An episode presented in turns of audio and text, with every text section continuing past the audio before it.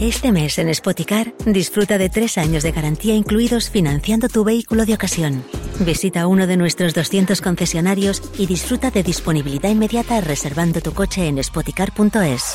Financiación ofrecida por Stellantis Financial Services. Consulta condiciones en spoticar.es.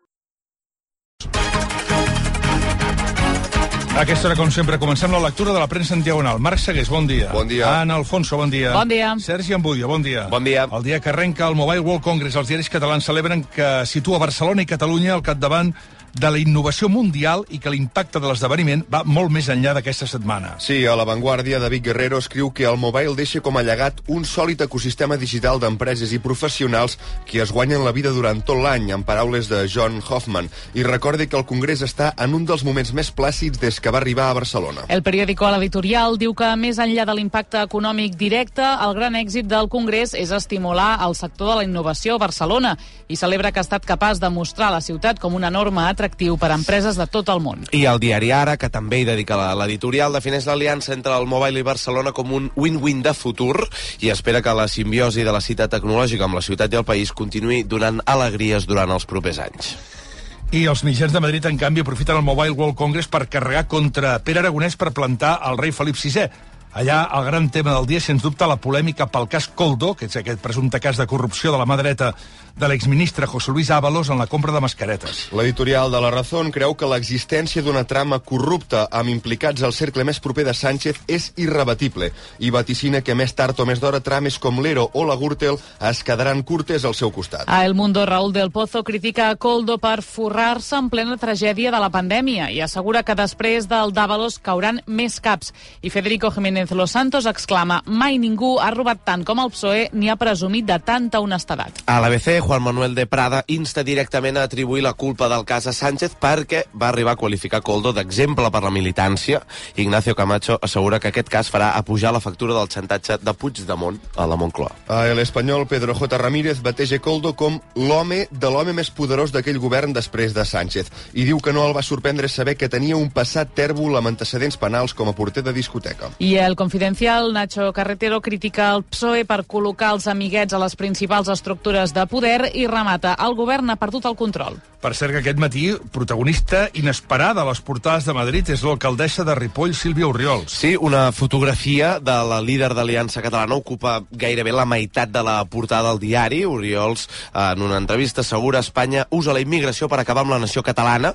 A més, aquesta entrevista que li fa El Mundo, que és per ser a doble plana, és el primer que trobes quan obres el diari, perquè va a les pàgines 2 i 3. I quina carta el director ens ha cridat l'atenció avui? Doncs la que escriu Joan Saldavila a La Vanguardia. Explica que el seu pare i Joan Capri eren cosins i que fa unes setmanes va passar per la placa que a Barcelona va dedicar a l'artista i es va quedar atònit quan va veure que precisament la placa d'aquesta plaça estava en blanc. Sembla que la paret es va pintar no fa gaire temps i que l'operari, a qui defineix com un curt de gambals, va esborrar el nom de Capri. Assegura que això el va disgustar molt i conclou. Espero que l'Ajuntament posi fil a l'agulla i esmeni aquest lamentable desgavell.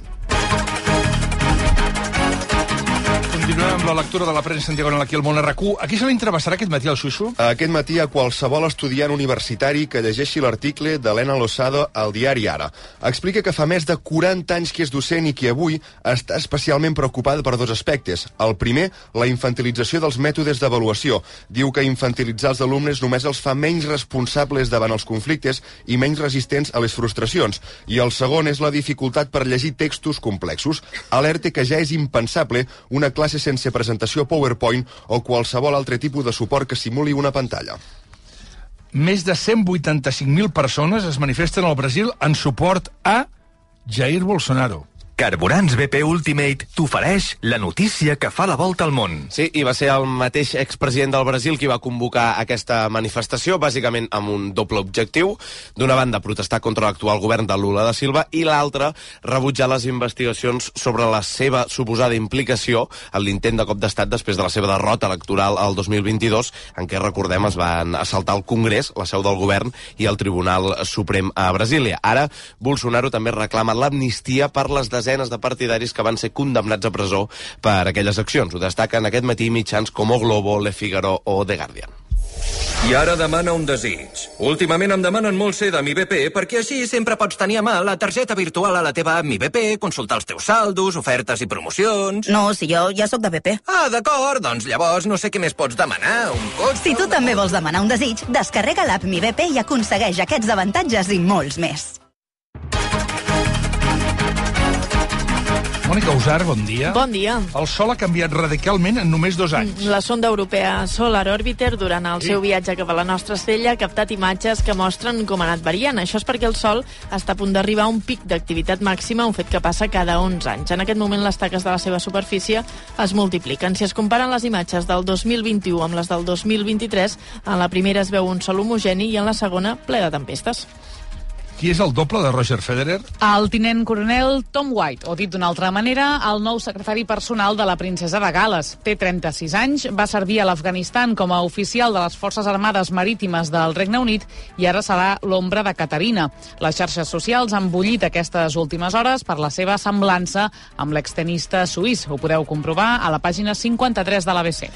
Èxit rotund de la primera edició dels Jocs de la masculinitat. Sí, és una iniciativa d'un locutor de ràdio de Florida, als Estats Units, que ha volgut parodiar la reputació que té l'Estat, bàsicament per excés de testosterona. El nom ja no enganya. Men Games, jocs d'homes, en anglès. Hi han participat milers de persones que han competit en proves com duels de fang, combats de sumo, fugides de la policia o baralles amb pals. Ho recull el New York Times. L'amo de la Fórmula 1 també vol la MotoGP. Santanderesmusic.com t'ofereix la notícia econòmica. Segons avança l'expansió, Liberty Media Corporation ha iniciat converses per tantejar el terreny d'una possible compra d'Adorna, la companyia que explota els drets comercials i audiovisuals del Campionat Mundial de Motociclisme. Malgrat que l'empresa no està pas en venda, altres gegants com Netflix, Amazon o Disney també s'hi han interessat. Quan alguna cosa t'agrada molt, saltes. Salta amb el Santander a descomptes en festivals i concerts. A prevenda exclusiva d'entrades i a meet and greet amb artistes. Només per ser del Santander. Viu la cultura i el millor contingut musical a santanderesmusic.com. Salta amb el Santander. Santander, per tu, els primers. Què hem descobert a TikTok a pràcticament tres quarts de vuit del matí? Doncs què traïdora pot arribar a ser una cançó? ¡Oh, vaya temazo! Oi, oi, oi. Ahí viene. Ahí viene. Tres, dos, uno. Leide. Ahora, ahora. Leide. No, no, no. Joder, tío, ¿cuándo viene Leide, tío? Ell, però, no rendeix. ¡Ah, mira, mira! ¡Leide! Eh, paso esta canción de mierda. Però és que realment no, no hi ha manera. Espera, espera, lo tomo, lo tomo, lo tomo. Os voy a dedicar este Leide. ¿Se viene? No, aún no. Trobareu el vídeo sencer al perfil de TikTok Noni Sisoy. Noni Sisoy. Quin desgraciat, pobre. Premsa esportiva, Albert Pedrol, bon dia. Bon dia. Assistència sanitària. La dels metges patrocina aquesta secció. Taylor Swift fa canviar de data l'últim partit de Lliga al Real Madrid. No, i prou d'aquesta dona, ja, pesats. La cantant nord-americana ha afegit un segon concert al Bernabéu el dimecres 29 de maig i per preparar l'escenari l'organització necessita 3 dies. És per això que el Real Madrid ha demanat a la Lliga jugar el dissabte 25 i no el diumenge 26 i la Lliga ho ha aprovat. Si el Madrid arriba a l'última jornada jugant-se a la Lliga, per tant, tot fa pensar que els seus rivals també jugarien el dissabte i no el diumenge. Ho llegim en diversos mitjans. Perplexitat amb la impunitat del Real Madrid i els vídeos de coacció arbitrals. Se'n fa creu Santinolla Mundo Deportivo, on es pregunta quin és el paper de la Federació Espanyola i del Comitè d'Àrbitres en tot aquest embolic. Segons Nolla, és curiós veure com dos estaments tan ràpids amb el que els interessa siguin tan lents a reaccionar a les polèmiques que cada setmana genera Real Madrid Televisió i conclou és un escàndol sense resoldre amb mitjans miren cap a un altre costat, malgrat ser els més reivindicatius en el cas Negreira. Per, I el Barça participarà al Mobile. Sí, el director esportiu d'ECO dirigirà demà una sessió batejada amb el nom del futur del mercat de fitxatges de jugadors, mentre que avui serà la jugadora del Barça, Patrick Guijarro, qui obrirà foc en un col·loqui sobre com compaginar l'èxit del futbol femení amb el benestar. Per la seva banda, Joan Laporta protagonitzarà les clausures institucionals de les dues sessions. De quina asseguradora mèdica ets? Jo? De la dels metges. De la dels metges, és clar. Som de la dels metges. Assistència sanitària. Creada, gestionada, dirigida i recomanada per metges. Assistència sanitària. La dels metges. La notícia fric.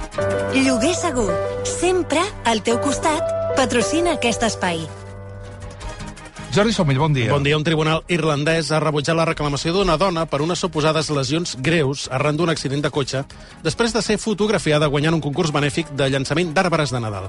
La dona era la passatgera d'un vehicle que va patir un encalçament l'any 2017 i ara reclamava una indemnització de més de 750.000 euros perquè deia que les lesions a l'esquena i al coll li van impedir treballar i jugar amb els seus fills durant 5 anys. Però el tribunal ha rebutjat aquesta reclamació després de sortir a la llum una fotografia feta només mesos després on se la veia llançant un avet de metre i mig en un concurs.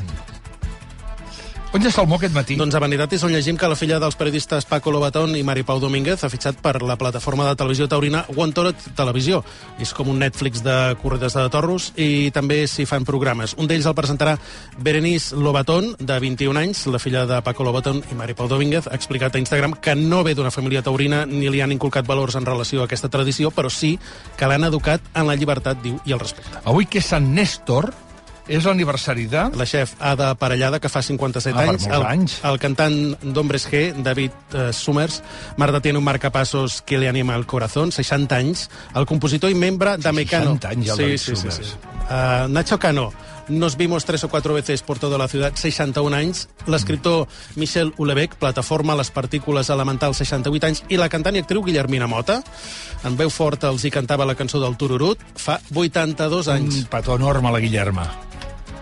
La Guillermina Mota va estar treba treballant junts a Catalunya Ràdio fa molts anys i era una persona divertida, entranyable i, i molt carinyosa. I avui també felicitem a Jordi Saumell, que fa, una, fa un dia més, és a dir, és una pena, és una condemna. Sí. Va fer ahir sembla que anys i un dia avui. Sí, sí, 52 ho podem dir, eh? no passa res. Molt ben portat.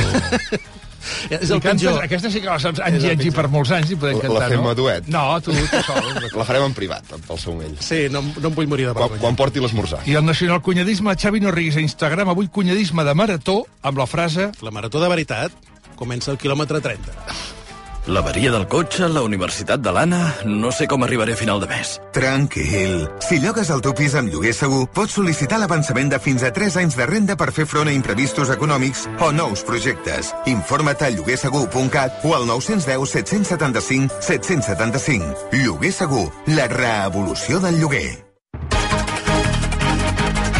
Contraportada no ens podem perdre avui en Factor Energia, Marc? La del País que converse amb Rafael Guzmán García. És psiconeuroimmunòleg i expert en nutrició. Diu que cal tornar a la versió més primitiva de l'ésser humà que consisteix a fer dejuni gran part del dia o consumir només aliments originals del nostre ecosistema. Comenta que dormir menys de 7 hores al dia té conseqüències molt negatives. Diu que ell no esmorza mai i que fer dejuni és tan natural com dormir. De fet, afirma que no és normal menjar 5 cops al dia.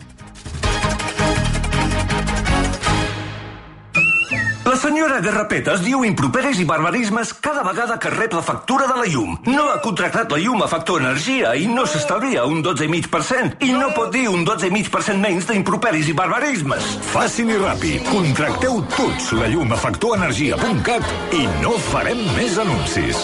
Per fi hi ha una altra llum. Factor Energia. Empresa col·laboradora amb la Barcelona Equestrian Challenge.